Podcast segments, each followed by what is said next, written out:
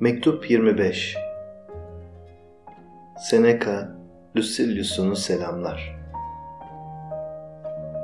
Aradan çok uzun bir süre geçtikten sonra gördüm senin Pompei kentini. Gençliğimin hayallerine döndüm yeniden. Gençken orada yaptığım her şeyi sanki yine yapabilecekmişim gibi, daha dün yapmışım gibi geldi bana.'' Hayatın kıyılarını dolaştık Lucilius. Bizim Vergilius'un dediği gibi sanki denizdeyiz de karalar, kentler gerilerde kaldı. Bu kısacık zaman içine sığan koşuda önce ilk çocukluğumuzu gömdük. Sonra delikanlılığımızı, arkadan gençlikle ihtiyarlık arası ikisinin sınırları içinde kalmış ara zamanı, sonra ihtiyarlığın da en iyi yıllarını gömdük. En sonunda insan türünün ortak sınırları görünmeye başladı. Çok çılgın olduğumuz için burasının bir kayalık olduğunu sanıyoruz.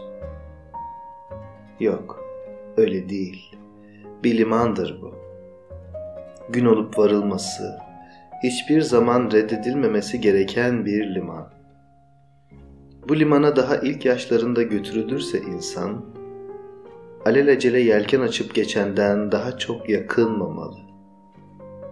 Çünkü kimi vardır bilirsin, ağır esen yerlerin oyuncağı, tutsağı olur, boğucu bir dinginlikten bıkar, yorulur, kimi vardır, inatçı esintiler çarçabuk ulaştırır onu yerine.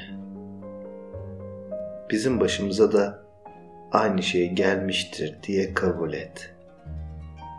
Yaşam kimilerini pek kararlı olmasalar bile varmaları gereken yere çarçabuk götürür atar.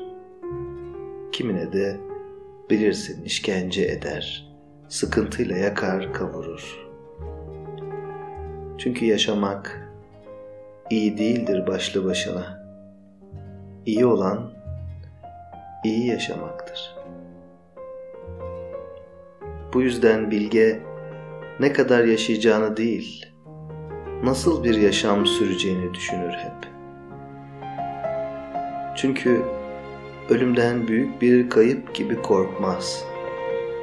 Çünkü damdan akan bir damlayla kimse büyük bir zarara uğramaz.'' Önemli olan erken ya da geç ölmek değildir.